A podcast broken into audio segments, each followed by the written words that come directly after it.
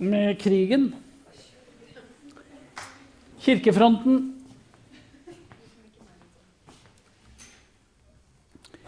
Um, etter hvert så skjer det jo et brudd, altså at Kirken bryter med, med naziregimet. Februar 1941 sender biskopene ut et hyrdebrev. Vet dere hva et hyrdebrev er for noe?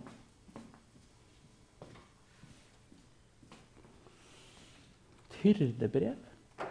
Ja. Et klagebrev? Eh, nei, det behøver ikke å være klage. Ja, ja, litt sånn. Ja, det, altså, det, er et brev som sendes ja, til, til, menighetene fra biskopene. Ja, mm. Og det trenger ikke å være klage, altså, men det kan være Ja, men det er et brev til menighetene. Ja, ja, det er viktig anliggende. Det er helt riktig. Um, uh, hvor de da sender det ut fra biskopene om rettsordninga. Og det skjer, all, det skjer i februar 1941. Uh, og det går jo særlig på dette med nazifiseringa av skolen og ungdommen. Uh, som da, ikke sant, Fra 1.2 så, uh, så skjer jo den såkalte statsakten på Akershus festning.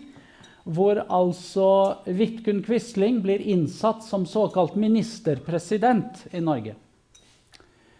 Eh, og, og da, like etterpå, så kommer det lover som sier at lærerne, alle lærerne i skolen Eh, skal være tilsluttet eh, Nasjonal Samling, altså Nazipartiets eh, eh lærer, eh, læresamband.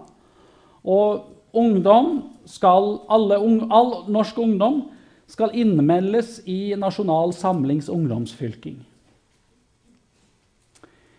Eh, og det og, og, og, og, biskopene og kirken protesterer mot denne tvangsmobiliseringen av barn og unge. Så er det i tillegg en hendelse som, får, eh, som på en måte blir dråpen som får begeret til å flyte over. Og det er i forbindelse med at Vidkun Quisling blir ministerpresident, så uh, gjennomføres det en, um, en festgudstjeneste i Nidarosdomen med en naziprest.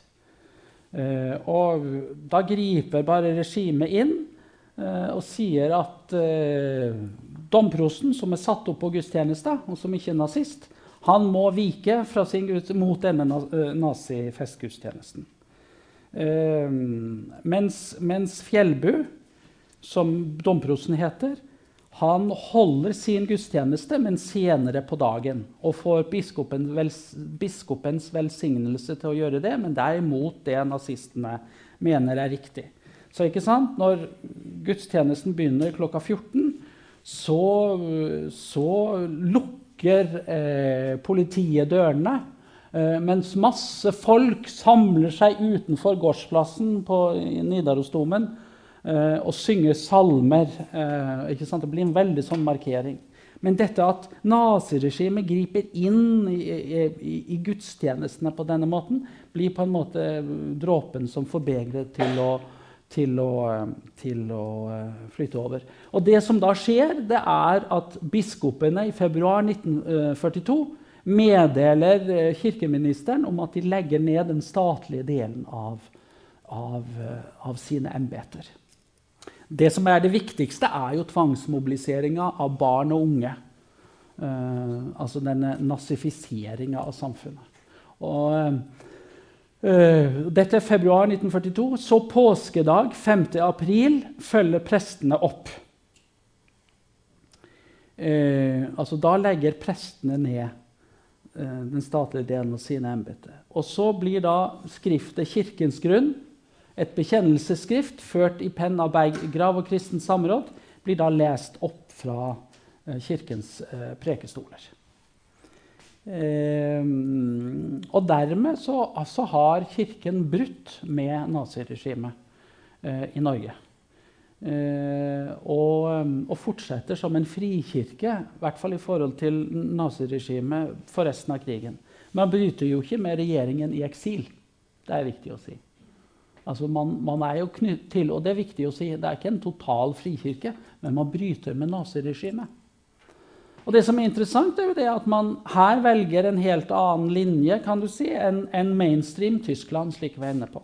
Dette er jo en, en annen tolkning av toregimentslæren enn du finner i mainstream tysk lutherdom, ordningsteologi. For her er en tilrettelegging som gjør at der, der, der, staten på en måte gjør overgrep eh, eh, Der har man plikt til å vise ulydighet. Det er en annen, og, og, også der påberoper man seg Luther i, i den tolkningen. Så det, det, er ikke en statslojalitet for enhver pris.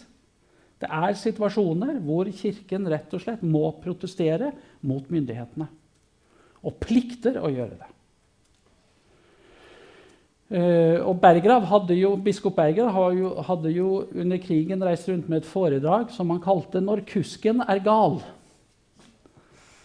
Uh, og ikke sant, det er jo når, når, staten, uh, når staten, gjør gale ting, altså når, sant, da plikter man motstand.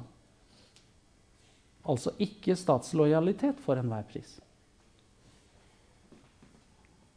Så er det ca. 10% av prestene som ikke la ned sine embeter, som fortsatte eh, under, under, under naziregimet. Men det er klart at, at eh, Også nazikirken måtte rekonstitueres, men de hadde jo på langt nær nok prester. De satte inn nye nazivennlige biskoper. Eh, det gjorde de. Eh, sånn, Men eh, slik situasjonen var, så fikk jo de, de, de, prestene som hadde lagt ned den statlige delen av sine embeter, de fortsatte jo i stillingene sine. Eh, de aller fleste av dem gjorde jo det. Noen ble riktignok arrestert og internert og sånt. Men, men, men, de fortsatte i stillingene sine, slik at, slik at, menighetslivet fortsatte jo stort sett som før. Det var bare at de åpna ikke prest for staten, de, post fra staten. De, altså de forholdt seg ikke til staten. Uh, de uh, mottok ikke lønn fra staten. Uh, ja, Hvordan levde de da? Jo, altså det ble jo i, Rundt om i menighetene så ble det jo satt i gang innsamlingsaksjoner. Og det var jo litt sånn fra hånd til munn, altså, men, men, men man greide seg på den måten. Uh, ja. Og, og, slik var det da helt til, eh, til, eh, til uh, frigjøringa uh, 8. mai 1945. Endelig fred! Dere har sikkert sett Filmavisen. Å, for en jubel! Endelig fred i Norge. Her har vi Eivind Berggrav som taler under en friluftsgudstjeneste 17. mai 1945. Da var det friluftsgudstjeneste på Akershus festning. Det var en dag med regn, ser dere, for det er masse paraplyer. Og biskop Eivind Berggrav holdt en uh, gripende preken. Uh, biskop Berggrav holdt prekenen på, som jeg sa, på friluftsgudstjeneste på Akershus festning 17. mai. Han karakteriserte frigjøringen som en Guds overraskelse over all forstand. Denne dagen er sannhetens, frihetens og rettferdighetens dag. Vi satt i dødsskyggens dal, og nå, for en mai! Guds overraskelse er ikke til å fatte.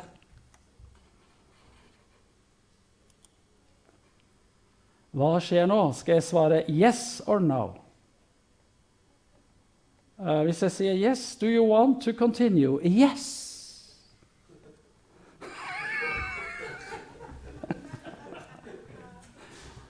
Men hva skjer nå? Det er ikke til å fatte. Søren klype! Jeg hadde tenkt å altså, Hva er dette for greier? Dette må dere gjøre selv når dere kommer hjem. Dette var jo kjedelige greier. Trykk det feil. Skulle jeg sagt no? Dette var Håpløst.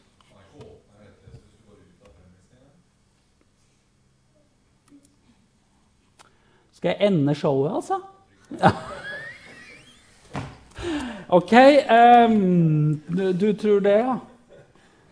Nei, nei, nei, nei, nei, nei altså dette syns jeg var litt håpløst. Men hvis jeg, hvis jeg, gjør sånn nå, nå må jeg være, nå, Her er gode råd dyre, sa han sa mannen. Ja, ikke sant. Det var akkurat det jeg lurte på, om det var greia her nå. Der. Og så hvis jeg gjør sånn Og så går jeg da inn i nettleseren. Men dette var jo et, et, svagt, et svagt system, da.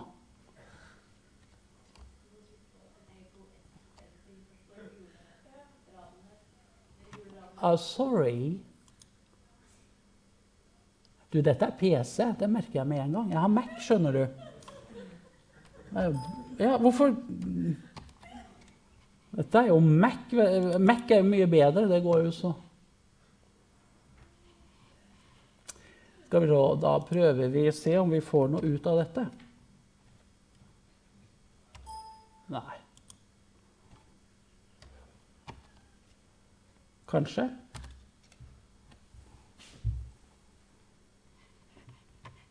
Vi får leve i håpet. Ja, nå skjer det. Er dere beredt til å høre Berggrav?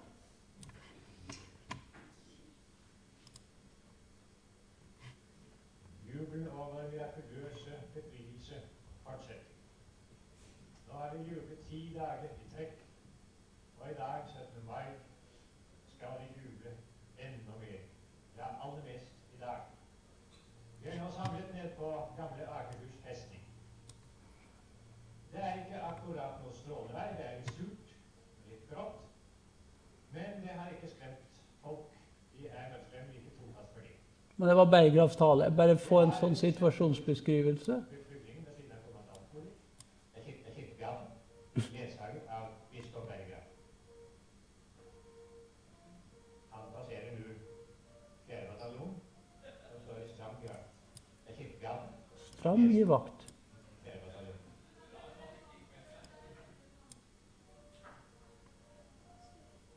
Det er 17. mai. Når jeg kommer til Bergen, hvor er vi på det? Ja.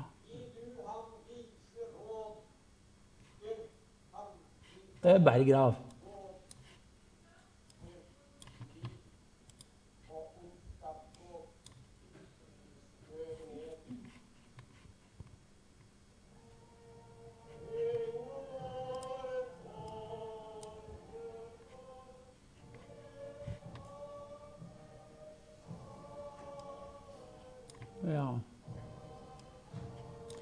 Jeg føler at jeg skulle ha regissert dette bedre. Men det var talen jeg skulle bare vise et utdrag fra.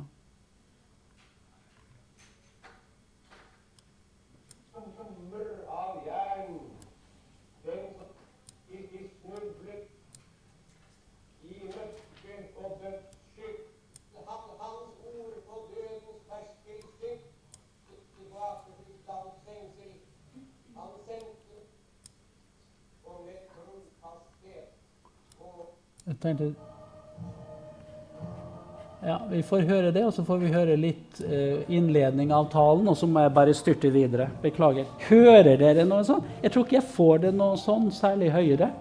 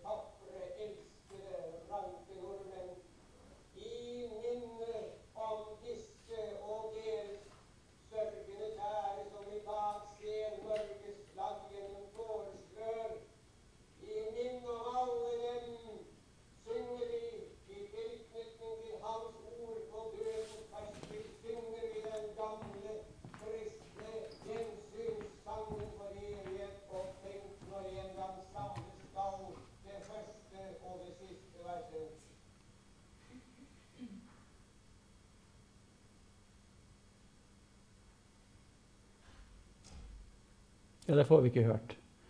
Det blir da en liten pause, og så går det videre i talen. Tar det så lang tid, da?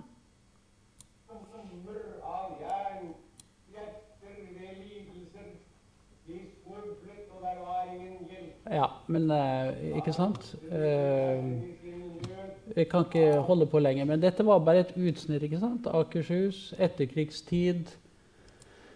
Eh, from current.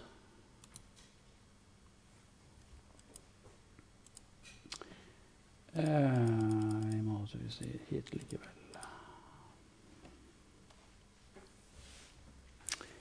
Um, 1945 Um, ikke sant? Begivenhetene, frigjøringen, alt det. 1945, biskop eh, Berggrav skriver i Kirke og kultur, et tidsskrift som han redigerer, hvor han skriver artikkelen som vakte en viss oppmerksomhet i samtiden. 'Folkedommen over NS'. Altså folkedommen over Nasjonal Samling. Eh, hvor han sier at medlemskap i NS må vurderes som en straffbar handling. Altså Bare det å være medlem av partiet Nasjonal Samling er en straffbar handling. Alle medlemmer i NS er medskyldige. Men samtidig så avviste han bruk av dødsstraff i rettsoppgjøret etter andre verdenskrig. Han skriver hver fullbyrdet dødsdom vil bety en ulykke for folkets sak. Og for, og for denne artikkelen så blir han altså kritisert fra to hold. Han, vil, han blir kritisert eh, for, eh, fordi han opplever som, han oppleves som uforholdsmessig streng i forhold til medlemmer av Nasjonal Samling. Altså ut fra at man kan ha vært medlemmer av et politisk parti, Nasjonal Samling, men uten å på en måte gjøre seg skyld i krigsforbrytelser. Ikke sant? Um, um, mens han sier kategorisk alle medlemmer i NS er medskyldige. Så blir han også det, den, den, den tyngste eller den største kritikken som han møter, det er jo faktisk at han avviser å bruke dødsstraff. Stemninga i Norge på dette tidspunkt er sånn at man mener at man må gjeninnføre dødsstraffen i fredstid i forbindelse med rettsoppgjøret etter andre verdenskrig. Det støtter han ikke, og han blir, da, han blir da veldig kritisert for det. Og samme høst, altså høsten 45, så vedtar Stortinget øh, å gjeninnføre dødsstraffen øh, i forbindelse med rettsoppgjøret. Og det ble jo fullbyrda Jeg mener det var 21 dødsdommer etter, etter, altså i rettsoppgjøret etter krigen. Eh, og en av dem da som ble skutt, var jo, var jo nettopp Vidkun Quisling. Men også, også kirkeministeren Skanke ble henretta etter krigen.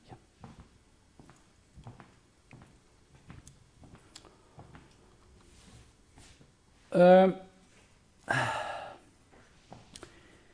eh,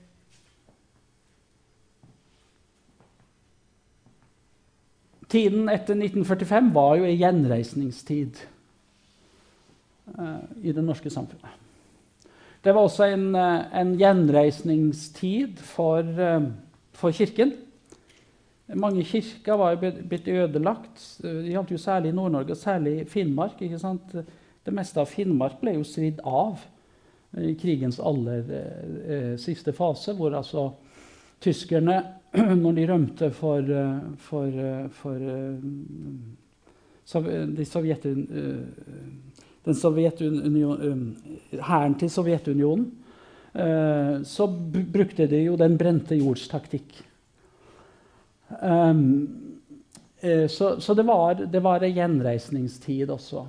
Egentlig så kom jo kirka, altså åndelig sett, styrka ut av andre verdenskrig. Den hadde vært som vi har vært inne på, en, en, en, eh, en samlingsfaktor i det norske samfunnet. I motstanden mot naziregimet. Og kirkens ledende personer så egentlig veldig optimistisk på framtida. Det nye Norge i, i, i, i fred. Eh? Dette skulle bli en, ny, ny, tid eh, for Kirken. I, I, lys av de erfaringene man hadde gjort under krigen, hvor Kirken fungerte som et viktig samlingspunkt. Kirkebesøket gikk faktisk opp under krigen. Um, og man, man, opplevde på en måte en økt interesse for Kirken da. Uh, men det gikk jo ikke lang tid før man oppdaga at så enkelt eh, var det vel ikke. Og, og, veldig fort igjen så gikk liksom situasjonen tilbake til det gamle. Altså det ble ingen stor oppgangstid for Den norske kirke egentlig. Mye gikk veldig fort tilbake til det gamle. Biskop Berggrav hadde jo etter krigen tanker om økt selvstendighet for kirke i forhold til staten gjennom nye kirkeorgan. Et kirkeråd. Og dette var selvfølgelig ut fra erfaringene under krigen, eh, hvor han mente at tiden nå var moden for, for økt selvstendighet for Kirken.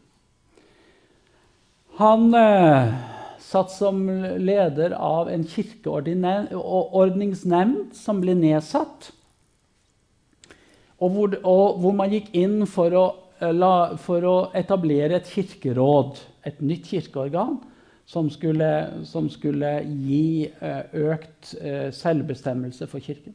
Det var ikke snakk om å demontere eh, kirkens forhold til, altså statskirken, altså kirkens forhold til staten, men det var snakk om en større grad av selvstyre.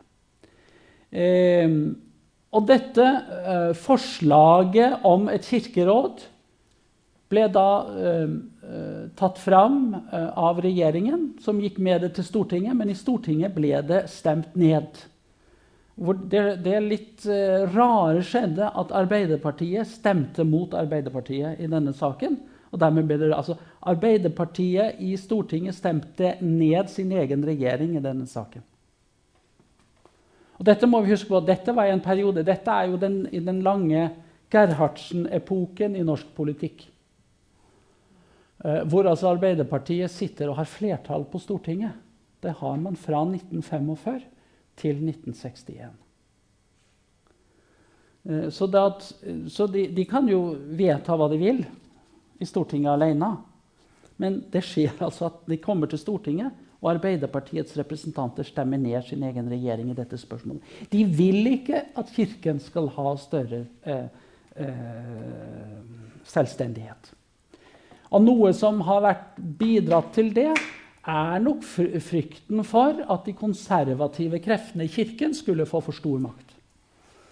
Og dette skjer jo også parallelt med at Ole Hallesby, som hadde vært så sentral under, under um, kirkestriden Han hadde spilt en viktig rolle i motstandskampen sammen med Eivind Berggrav. Vært med av uh, Kirkens uh, samråd. Nå etter krigen begynner etter hvert å bli en gammel mann. Ole Halsby, den gamle kjempen, kommer uh, i NRK og holder en tale, den berømte helvetestalen, uh, hvor han truer med helvete gjennom radio. Januar 1953. Uh, og, og, den talen blir på en måte, den vekker veldig stor oppsikt. Uh, og den er nok medvirkende til at Arbeiderpartiet sier at sånne konservative krefter eh, dette her kan vi ikke gi større makt. Vi må sikre oss kontrollen over Kirken. Vi vil ikke ha et kirkeråd. Så vi stemmer hele greia ned. Eh, får jeg dette til å virke? Jeg tenkte at dere kunne få høre et utsnitt av den talen. Men altså Datateknikk i vår tid kontrollknappen samtidig. Og da mener du at dette skal gå sånn? Hmm. Nei, dette er PC, vet du.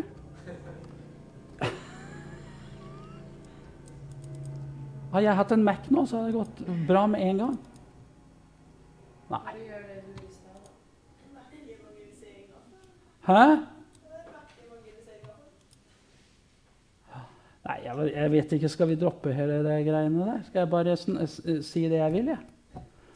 Eller har dere lyst til å høre Hallesby? La oss høre. La oss høre. Nei, jeg syns eh, dette her systemet Dette burde jeg Jeg burde ha gått ned her grytidlig og testa dette ut først.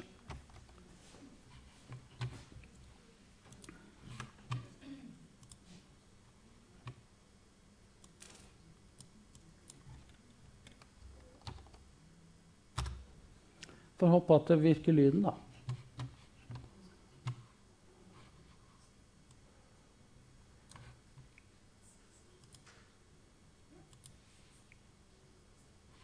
Jeg taler sikkert til mange i kveld som vet at de er uomvendte. Du vet at hvis du stupte død ned på gulvet nå, så stupte du rett i helvete. Og du vet at slik som du er nå, vil du ikke og kan du ikke dø. Du må bli omvendt først. Men du vil ikke omvende deg nå. Men vet du, min venn, det er ikke bare Gud som preker om mennesker, også Satan. Satan preker. Han har en av bibelstedene sett. Da han fryktet Jesus, så begynte han slik. Der står skrevet sant, og så siterte han et helt vers fra Gamle Når han preker om mennesker, så sier han det står skrevet at du må omvende deg, ellers så går du, går du, kommer du i helvete. Men, sier han, det haster jo naturligvis ikke slik som alle disse predikanter og prester særlig forteller. Dette tror jeg er Satans fiendesbevis. Han får menneskene til å tro at de vil omvende seg siden. Og det gir dem mot til å leve uomvendt. Hvordan kan du som er uomvendt. Hvordan kan du legge deg rolig til å sove om kvelden? Du som ikke vet enten du våkner i din seng eller i helvete. Dog ganske like det. Du kan legge deg rolig til å sove fordi du mener du vil omvende deg siden. Kunne du spørre dem som er i helvete i dag, om ikke de vil omvende seg, så vil de sikkert svare helt lese. Det vil, hvorfor er de så i helvete? Vi ville aldri omvende oss nå, men siden. Ja, dette var vel et utdrag, da. Var det et veldig stort problem på den tiden? At folk ikke ville omvende seg? Nei, det vet jeg ikke. Men eh, det, det, altså, dette her er jo en klassisk omvendelsesforkynnelse. Ikke sant? Sånn har man jo forkynt på bedehuset.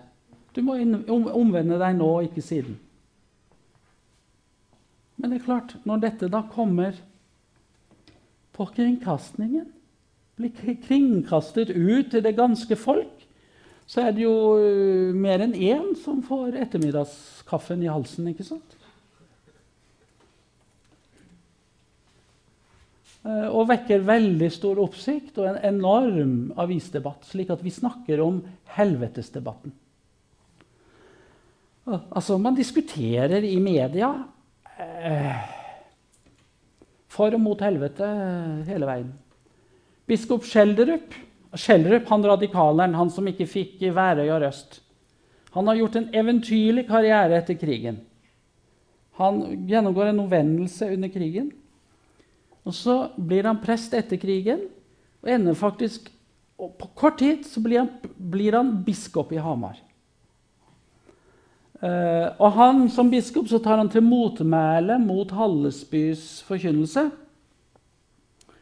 Og han bruker begrepene altså Han sier at dette er en uklok tale, og eh, han avviser at helvete hører hjemme i det han kaller kjærlighetens religion. Og da er jo virkelig jeg holdt på å si helvete løs.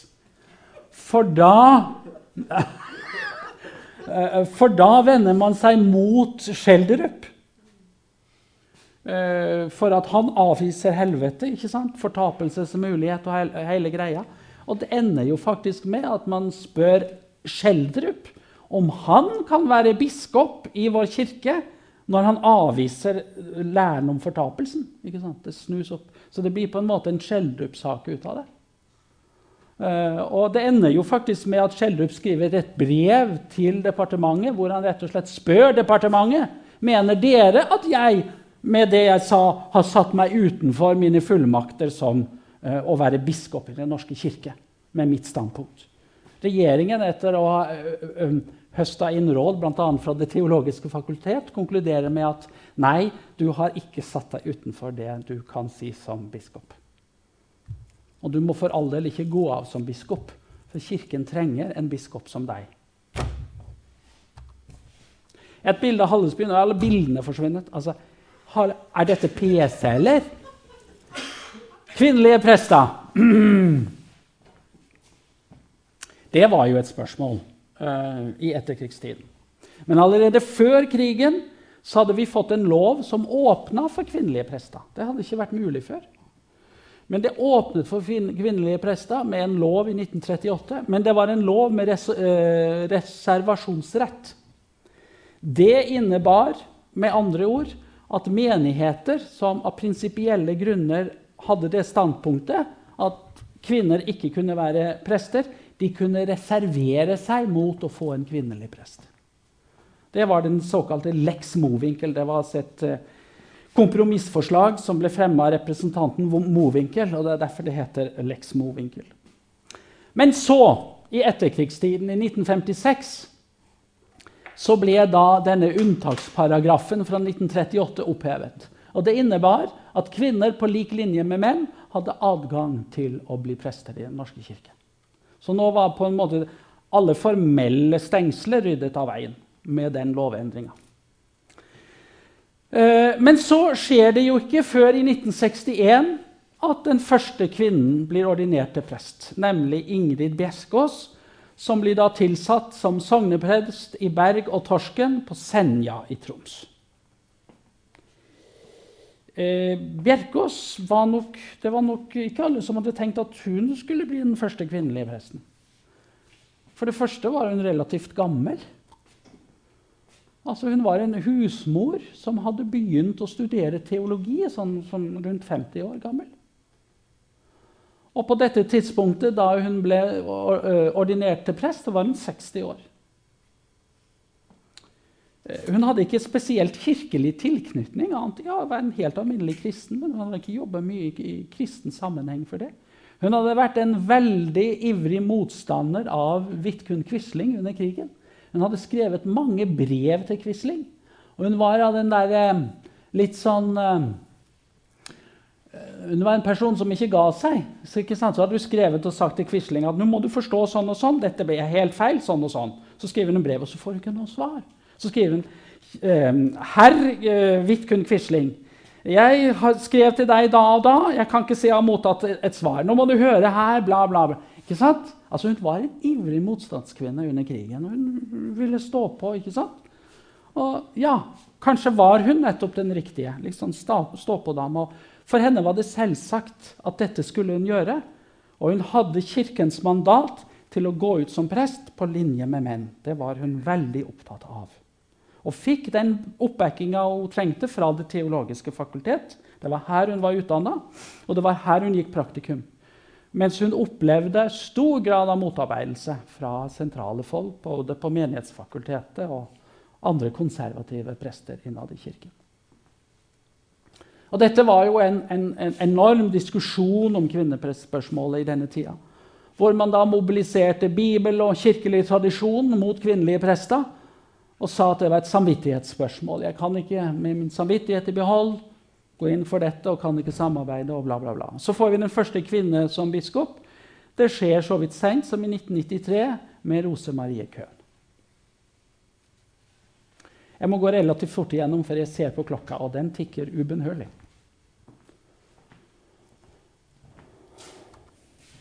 Ja, altså, Når dere får se det, disse greiene her på nettet, så får dere se alle bildene. En sak som etterkrigstiden er viktig å nevne for etterkrigstiden, er jo abortstriden.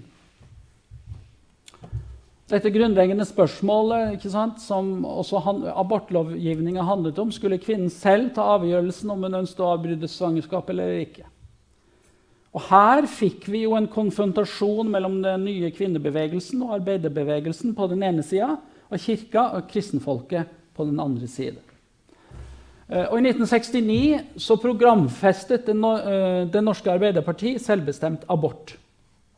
I 1975 fikk vi en lov som fortsatte det gamle nemndsystemet, men som åpna for abort på såkalte sosiale indikasjoner. Altså Dvs. Si andre indikasjoner enn rent medisinske.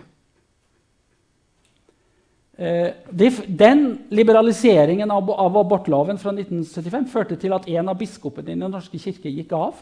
Per Lønning gikk av eh, som biskop i protest. Så ble i 1978 selvbestemt abort innført.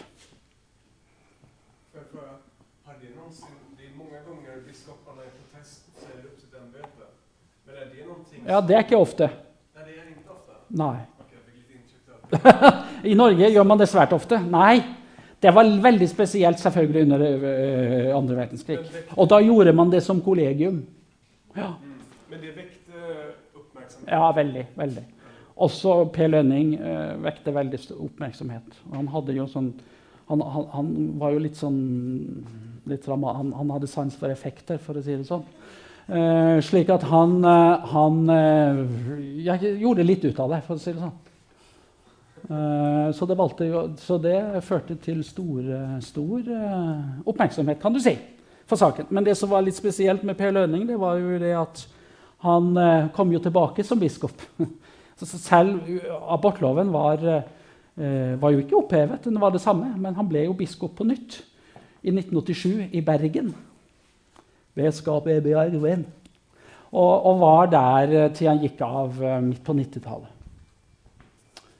Men han, han gikk altså av som biskop eh, i Borg i 1975. I protest mot abortloven. Kirken og de kirkelige organisasjonene de kjempet mot abortloven. Folkeaksjonen mot selvbestemt abort leverte 610 000 underskrifter mot loven. Per Lønning gikk av, som jeg sa. Sogneprest Børre Knutsen i Balsfjord i Troms la også ned, etter modell fra okkupasjonen, kirkekampen, la ned den statlige delen av embetet i 1979 i protest. Og det ble reist sak mot han. Han tapte i Høyesterett. Uh, uh, og hvor, hvor Høyesteretts tolkning er at Og han påberopte seg paragraf 2 i Grunnloven om at staten er forpliktet på statens offentlige religion. Det var slik han argumenterte. Dermed kunne ikke staten innføre en abortlov, for det stred mot statens eget kristne grunnlag, hevdet Knutsen. Men Høyesterett avviser dette og sier at paragraf 2 i Grunnloven om statens offentlige religion avgrenser ikke den statlige lovgivningen ellers. Det var kun, dette gjaldt kun når staten fungerte som kirkestyre. Det var det, var det, det, var det, det, var det Høyesterett konkluderte med her. Så altså i lovgivningen ellers var ikke staten forpliktet på grunnlaget i paragraf 2. Ellers får vi jo uh, større mangfold. Det, det kjennetegner jo utviklinga fra 70, særlig fra 80-tallet av i Norge. En stadig, altså Stat og kirke endrer jo karakter. Jeg har ikke snakka veldig mye om stat og kirke. det har jeg ikke fått tid til. Men en viktig milepæl skjer jo i 1984, når Kirken organiseres til topps. Det man hadde mislykkes med i 1953, det skjer nå ved at vi får et kirkemøte som øverste organ, og som institusjonaliseres i 1984. Etter hvert får vi et større religiøst mangfold, innvandrerreligioner, som innebærer vekst både for den katolske kirke, men også for islam. Og her kan vi jo se utviklinga, som er ganske betegnende. I 1980 hadde den romersk-katolske kirke 14 000 medlemmer. Jeg ser det, det øker. I 2000 er det nesten 43 000. I dag ligger det vel på 140 000. Ikke sant? Det skjer en veldig vekst. Islam tilsvarende. I 1980 er det registrert ca. 1000 medlemmer av islamske samfunn i Norge. Økninga i 49 000 i 2000, og i dag ligger det vel av registrerte over 150 000. Så det er jo en veldig utvikling i forhold til det. Og prosenten av statskirkemedlemmer har jo minket tilsvarende. Den var 88% i 1980. Eh, I år er den 71 Uh, Human-Etisk Forbund har vært veldig, for så vidt veldig stabilt. Den, den har vært, uh, den har vært uh, den har vært stabil, altså den, den, har vokst gradvis, men i, i, forhold til folketallet altså relativt sett har den minket. Men vi har helt fra stiftelsen midt på 50-tallet så har vi hadde et veldig sterkt humanetisk, altså profan humanistisk eh, miljø og, og, og, organisering i Norge. Eh, ganske utypisk sammenligna med landene rundt oss. Sverige har jo ikke det, f.eks. Eller Danmark.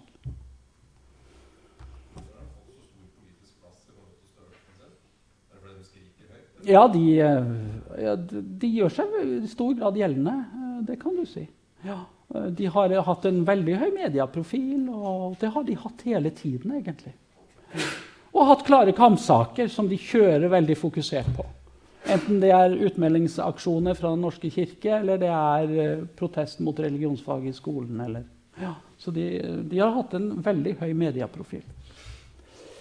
Så I løpet av 1990-årene kan vi si at den flerkulturelle situasjonen satte seg i Norge. I første rekke i de større byene. Men denne situasjonen har også påvirket de kristne trossamfunnene hvor religionsdialog har blitt et viktig begrep.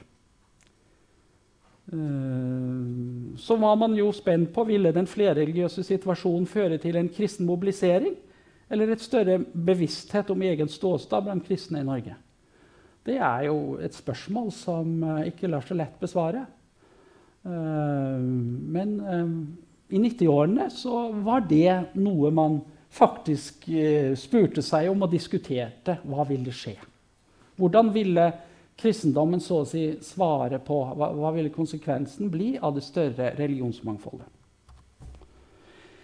Eh, KRL-faget kunne jeg snakket mye om. Det rekker jeg ikke. Jeg ser på klokka.